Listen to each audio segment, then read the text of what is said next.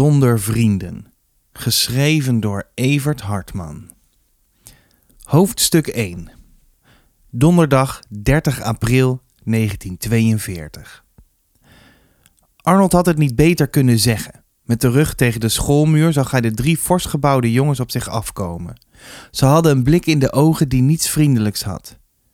Zeg het nog eens. De stem van de middelste, een jongen met slordige blonde haren, was hees van woede. Arnold was niet bang uitgevallen. Hij begreep echter dat het weinig zin had een bij voorbaat verloren vechtpartij uit te lokken.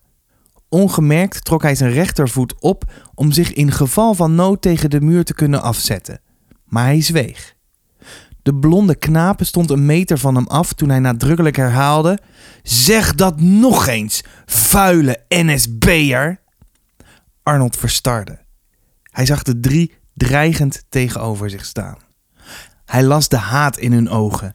Een haat die hen ertoe had gebracht hem de afgelopen maanden te beledigen, te treiteren en hem het leven zo zuur mogelijk te maken, omdat zijn vader lid was van de NSB. Zijn ouders hadden hem gezegd dat hij zich daar niets van moest aantrekken. Dan zouden ze vanzelf wel ophouden. Ze hadden hem gezegd dat een goede NSB'er zich moest kunnen beheersen. Maar ook aan zelfbeheersing is een grens. Jullie hebben me wel verstaan? Zijn stem was niet meer dan een gesmoord fluisteren. De jongens drongen op hem in. We willen het graag nog eens horen. Arnold klemde zijn lippen opeen. Hij zag zijn klasgenoten door een waas. Maar zijn voet rustte stevig tegen de muur. Hij zei zo kalm mogelijk: Als jullie denken dat dat mens in Engeland nog iets voor jullie doet, zijn jullie stomme idioten. De vuist van de grootste van zijn tegenstanders stootte naar voren. En terwijl hij zich afzette, wist Arnold dat het te laat was om die vuist te ontwijken. De knokkels raakten hem in de buurt van zijn sleutelbeen. Een felle pijn schoot door zijn schouder en leek zijn arm te verlammen. Alleen zijn woede was nog groter dan de pijn. In het wilde weg trapte en sloeg hij van zich af, tot een venijnige schop tegen zijn enkel hem deed wankelen. Wanhopig deed hij een paar stappen in de richting van het hek. Maar een harde slag in zijn gezicht maakte een vlucht onmogelijk. Iemand lichtte hem beentje. Het volgende ogenblik smakte hij tegen de keien. Het was een ongelijk gevecht. Ze trapte hem tegen de benen, bonkte hem op de rug en draaide zijn armen zo ver omhoog tot hij het uitschreeuwde van pijn en angst. Ten slotte greep een van de jongens zijn haar en trok zijn hoofd omhoog met de bedoeling het voorover op de stenen te slaan. Jongelui! Ze hadden de lange magere man in de deuropening niet opgemerkt, maar zijn stem trof hen als een zweepslag. Hou daar onmiddellijk mee op! De rector! hoorde Arnold sissen. Wegwezen! Arnold voelde hoe ze hem loslieten om het op een lopen te zetten. Maar de rector had met een paar lange passen het groepje bereikt. Martin, Johan en Hans, naar mijn kamer. Hij begon, protesteerde Martin. Hij schot de koningin uit. De rector sprak zonder stemverheffing, maar zijn ogen straalden geen vriendelijkheid uit. Jullie hebben mij wel zeker gehoord, jongelui. Terwijl Arnold moeizaam overeind krabbelde, zag hij de drie naar de schooldeur schokken. En jij, hoorde hij de rector toonloos zeggen, jij gaat je wassen bij de kraan. Waarna je op de gang op me wacht, begrepen? Arnold gaf geen antwoord. Hij wreef over zijn zere gezicht. Een brede streep bloed verdween op de rug van zijn hand. Hij keek er even naar zonder dat het hem scheen door te dringen. Ook de pijn in zijn armen en rug scheen hij nauwelijks meer te voelen. Het enige dat hij voelde was een verschrikkelijke woede. Hij staarde de rector strak aan en toen zei hij: Ik ga naar huis. Hij draaide zich om. De rector greep hem bij zijn arm. Ik heb je gezegd hier te blijven. Ik wil precies weten wat er gebeurd is. Het kostte Arnold nog een paar rode striemen om zich los te rukken. De tranen in zijn ogen waren echter niet het gevolg van pijn. U gelooft me toch niet, schreeuwde hij. U kunt barsten, ik ga naar huis. Het volgende moment was hij bij het fietsenrek, pakte zijn karretje en vloog het schoolplein af. De rector keek hem na, roerloos, zijn vingers ineengestrengeld. Daarna keerde hij zich bedaard om en stapte de school binnen. Als een bezetene reed Arnold door de zonnige straten. Dat sommigen hem bevreemd aankeken en hem vervolgens nawezen interesseerde hem niets. Hij joeg voort tot zijn benen hun dienst bijna weigerden en hij tenslotte, zwaar hijgend, zijn fiets tegen de muur van hun huis smeet. Half struikelend kwam hij de kamer in, plofte neer op een stoel en barstte in snikken uit. Mevrouw Westervoort was een vrouw die blijkbaar gewend was aan onverwachte gebeurtenissen. Ze stond snel op, nam even zijn hoofd in haar handen en zei alleen maar: Jongen toch. Toen verdween ze naar de keuken en keerde terug met een paar natte wasdoekjes. Voorzichtig veegde ze de klonters bloed van zijn bovenlip, bette zijn gezicht en streek pieken haar van zijn bezweten voorhoofd. Daarna liep ze opnieuw naar de keuken, haalde een glas water en zette dat voor hem neer. Ze stelde geen vragen. Ze herhaalde alleen: Jongen toch. Het duurde geruime tijd voor Arnold iets kon uitbrengen. De rotzakken, zei hees. Wat is er gebeurd, Arnold? Mevrouw Westervoort vroeg het bijna zakelijk, maar er was toch een ongeruste klank in haar stem. De rotzakken. Arnold had het snikken nog niet onder controle. De smeerlappen. Als ik ze in mijn vingers krijg, ik. ik. ik vermoord ze. Haar gezicht kreeg nu een bezorgde uitdrukking. Als je me nu eens rustig probeert te vertellen wat er gebeurd is. Ze waren met z'n drieën. Ze hebben me in elkaar geslagen. Ze. Wie? Martin en Hans en Johan. Martin Jonkers? Arnold knikte. Hij hield een doek tegen zijn neus om een nieuwe bloeding te voorkomen. Waarom hebben ze dat gedaan? Naast bezorgdheid toonde mevrouw Westervoort ergernis. We hadden het over dat mens in Engeland en toen. Je bedoelt de koningin. De koningin? U weet even goed als ik dat die al lang geen koningin meer is. Goed. En wat heb jij toen gezegd? Dat ze stomme idioten waren als ze dachten dat dat mens nog iets voor ze deed? Ze schudde ernstig haar hoofd. Zulke dingen kun je ook veel beter voor je houden. Oh ja, mag de waarheid soms niet gezegd worden? Soms is het inderdaad erg onverstandig om de waarheid te zeggen. Je had beter je mond kunnen houden. Ik laat me niet op mijn kop zitten door dat stelletje ezels. Hij haalde de doek van zijn neus en bekeek de bloedplekken. Ik ga morgen niet naar school. Ze trok haar wenkbrauwen op. Waarom niet? Arnold scheen haar vraag niet gehoord te hebben. Zaterdag neem ik ze te grazen, zaterdagmorgen. Mevrouw Westervoort begon iets van haar kanten te verliezen. Ik vroeg je waarom je niet naar school wilde. Als de rector dat te weten. Ik heb tegen de rector gezegd dat hij kon barsten. Wat zeg je? Arnold snikken was verdwenen. Alleen trilde zijn stem nog van woede. De rector wou me terug laten komen samen met die rotzakken. Ik heb het vertikt. Ik heb gezegd dat hij barsten kon. Ze was een ogenblik sprakeloos. Toen fluisterde ze: Heb je dat werkelijk gezegd? Hij knikte. Haar stem was opeens streng en beheerst. Dan ga jij morgen wel naar school, al was het alleen maar om je excuus te maken. Je weet hoeveel moeite we hebben moeten doen om jou op die school te krijgen. En nou zul jij in één keer de boel bederven. Daar komt niets van in. En wat de jongens betreft, ik zal wel even. Ze stopte toen Arnold opstond. Hoewel hij nog maar net veertien was, was hij bijna even groot als zij. Hij stond vlak voor haar en ze schrok van de blik in zijn donkerbruine ogen. Hij zei strak: Ik ga morgen niet naar school. En mijn excuses aanbieden? Nooit. Dat zouden ze wel willen. De zoon van een NSB'er biedt zijn excuses aan. Maar dat doe ik niet. Dat doe ik nooit. Hij sloeg met zijn vlakke hand op de tafel, maar meteen hijgde hij van een pijnscheut in zijn rechterzij. Hij kromp in elkaar en zakte neer op de stoel. Jongen, wat is er? Arnold haalde diep adem. Ze hebben tegen mijn ribben getrapt, denk ik. Mevrouw Westervoort knoopte haastig zijn blouse los en trok het hemd omhoog. Twintig centimeter onder zijn oksel liepen twee diepe blauw-rode striemen. Ze bekeek de plekken zorgvuldig en had vervolgens al haar zelfbeheersing nodig om kalm te zeggen: We kunnen misschien beter een verband omdoen. Ze duwde voorzichtig op de huid naast de zere plek. Doet dit pijn? Hij schudde zijn hoofd. Ze liep naar de kast en haalde een trommel tevoorschijn. Wat gaat u doen? Er moet een verband om, zei ik toch al? Ze viste een rol verbandgaas en een schaar uit de doos. Moet dat nou, ma? Hij trok zijn blouse omlaag. U weet best dat ik daar een hekel aan heb. Het gaat zo ook wel over. Ze bleef weifelend staan. Maar je wang dan? Deze keer stond Arnold voorzichtig op en liep naar de spiegel. De pijn in zijn zij was te dragen. Alleen maar een scham, zei hij. U zegt zelf altijd dat zoiets het snelste geneest zonder pleisters. Ze legde haar schaar en verband terug in de doos en ging aan tafel zitten. Ze vroeg kalm: Zijn die jongens, Martin en zo, zijn die wel naar de rector gegaan? Ja. Arnold wendde zich af van de spiegel, liep naar het venster en staarde naar buiten, zijn handen in de zakken. Dan zullen ze er wel flink vanaf hebben gekregen. Dan kent u de toestand op school niet. Wat bedoel je? Dat weet u toch ook wel, moeder? Wekenlang hebben ze me zitten pesten zonder dat één van die leraren zich daar druk over maakte.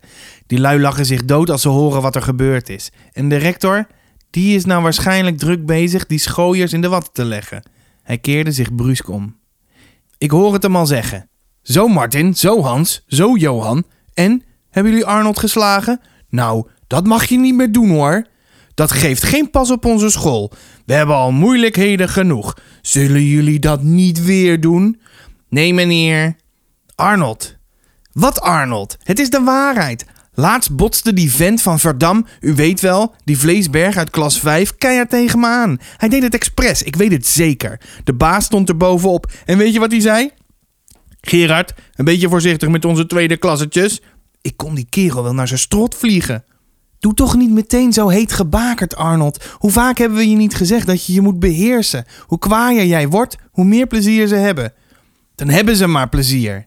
Maar ik kan het niet langer verdragen. Mevrouw Westervoort frunnikte aan de verbanddoos, maar ze zweeg. Ze keek pas op toen het geluid klonk van een fiets die tegen de muur werd gezet. Daar heb je pa. Even later betrad meneer Westervoort de kamer. Hij was een wat schrale man met een spits gezicht. Zijn donkerblonde haar was strak achterover gekamd en vertoonde grijze plekken bij de slapen. Ondanks het zonnige voorjaarsweer droeg hij een regenjas. Hij zag er moe uit. Wat ben je vroeg vanmiddag? Mevrouw Westervoort keek haar man onderzoekend aan. Is er iets? Ja, hoofdpijn. Ik ben maar een uurtje eerder weggegaan. Dat haal ik later wel in. Vonden ze dat goed op het stadhuis? Daar hebben ze goed te vinden. Hij begon zijn jas uit te trekken. Of denk je soms dat ik daar nog toestemming voor vraag? Ze antwoordde niet. Ik bepaal zelf wel wanneer ik ga en kom. Daar heb ik niemand voor nodig. Hij smeet zijn jas over de stoelleuning en wreef over zijn ogen. Geef hem maar een kop thee. Hij stond op het punt te gaan zitten toen hij Arnold zag. Of liever, hij zag zijn gezicht met de bloedige schram op de rechterwang. Wat is er met jou gebeurd? Arnold haalde onwillig de schouders op. Ach, niks. Vraag maar aan ma. Dan hoef ik het geen twee keer te vertellen. Hij wilde de kamer uitlopen, maar zijn vader greep hem bij de arm. Wacht eens even, jij. Je weet dat ik niet van zulke brutaliteiten gediend ben. Wat mankeert jou eigenlijk? Zijn stem trilde. Mevrouw Westervoort stond haastig op. Koos, alsjeblieft, die jongen heeft al genoeg te verduren gehad. Dat wil ik nou juist graag weten. En mag ik dan misschien een normaal antwoord verwachten? Ze moesten even naar woorden zoeken voor ze zei: Ze hebben ruzie gehad.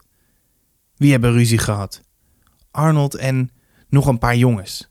Wie waren dat? Ach, dat doet er niet zoveel toe. Ik vroeg wie dat waren. Nou, Martin Jonkers en, uh, en Johan Laning en Hans van Beek, vulde Arnold aan. Zijn gezicht had een uitdrukking alsof hij aan iets heel anders dacht. Met z'n drieën? Meneer Westervoorts stem was hees geworden, maar hij hield ze zo niet meer vast. Waar hadden jullie ruzie over? Hetzelfde als altijd. Even keek Arnold zijn vader strak aan. Ze hebben me in elkaar geslagen. Het scheen even te duren voordat die woorden tot meneer Westervoort doordrongen. Toen greep hij zijn jas en stapte driftig de kamer uit. Of eigenlijk, hij wilde de kamer uitstappen, maar zijn vrouw versperde hem de weg.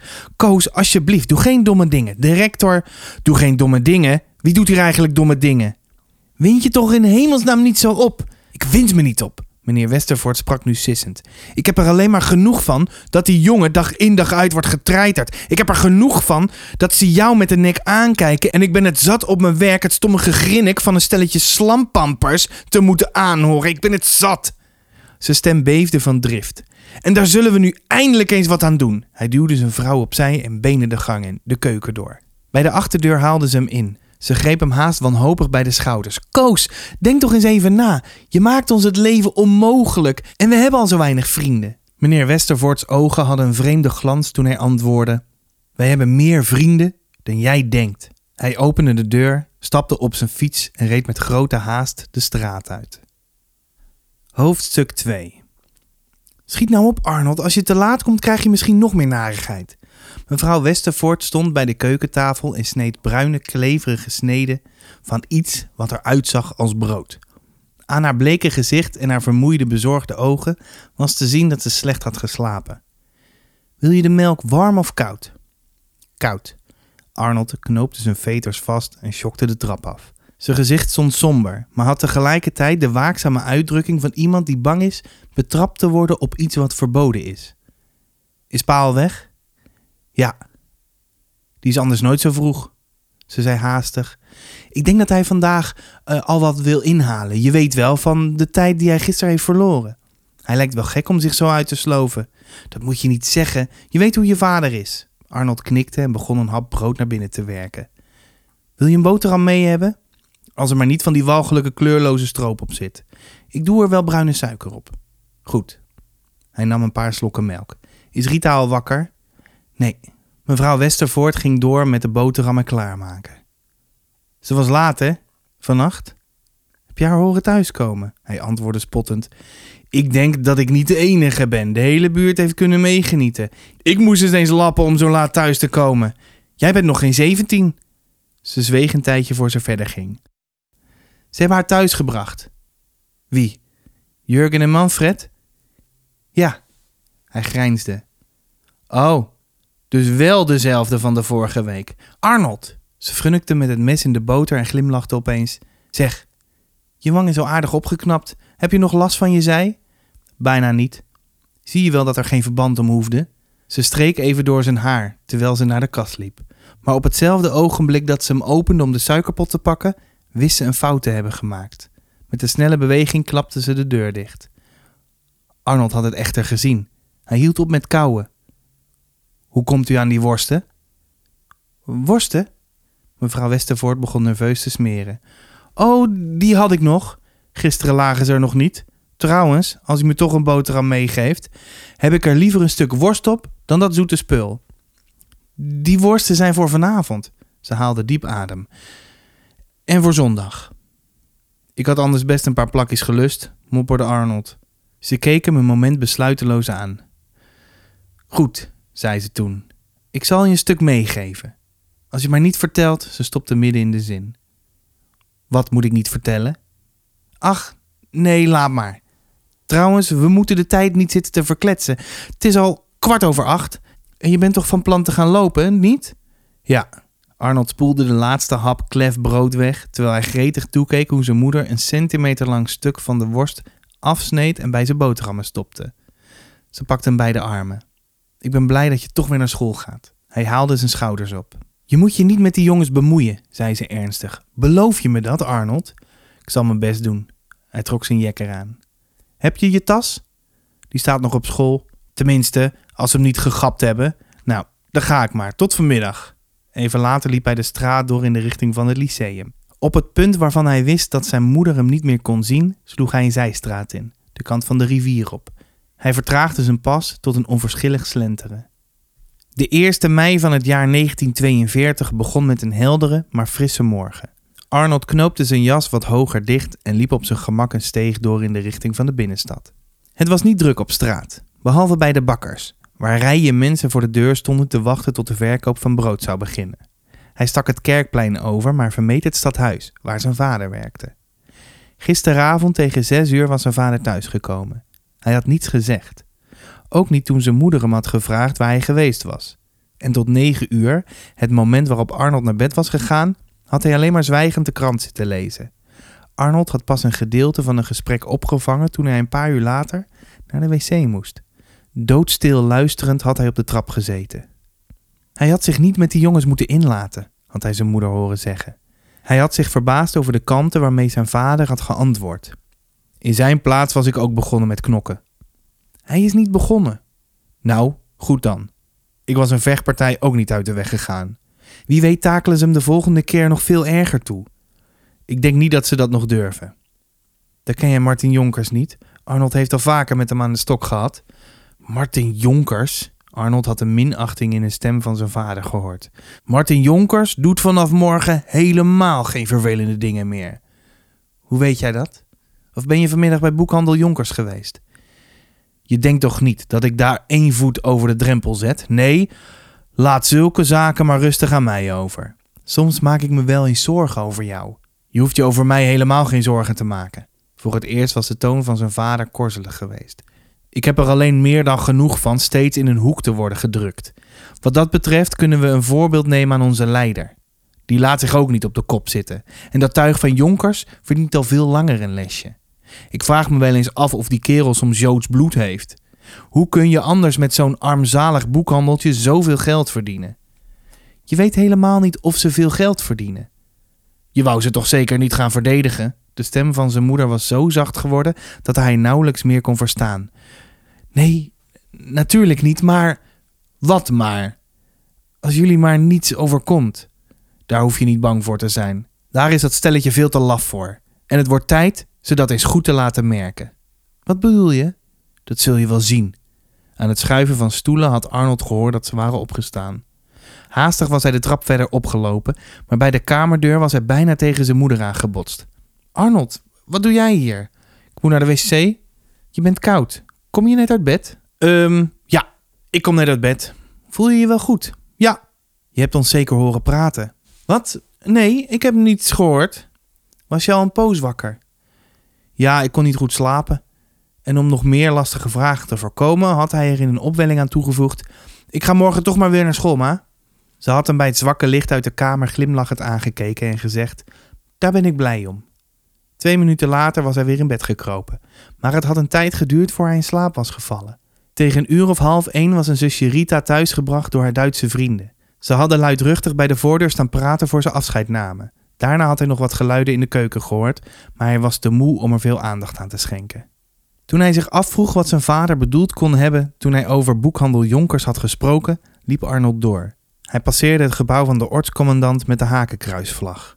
100 meter verder bevond zich in een zijstraat de boekhandel van Jonkers. Arnold liep er langs terwijl hij deed alsof hij er niet de minste belangstelling voor had. Uit zijn ooghoeken nam hij echter alles goed op. Er was niets bijzonders te zien.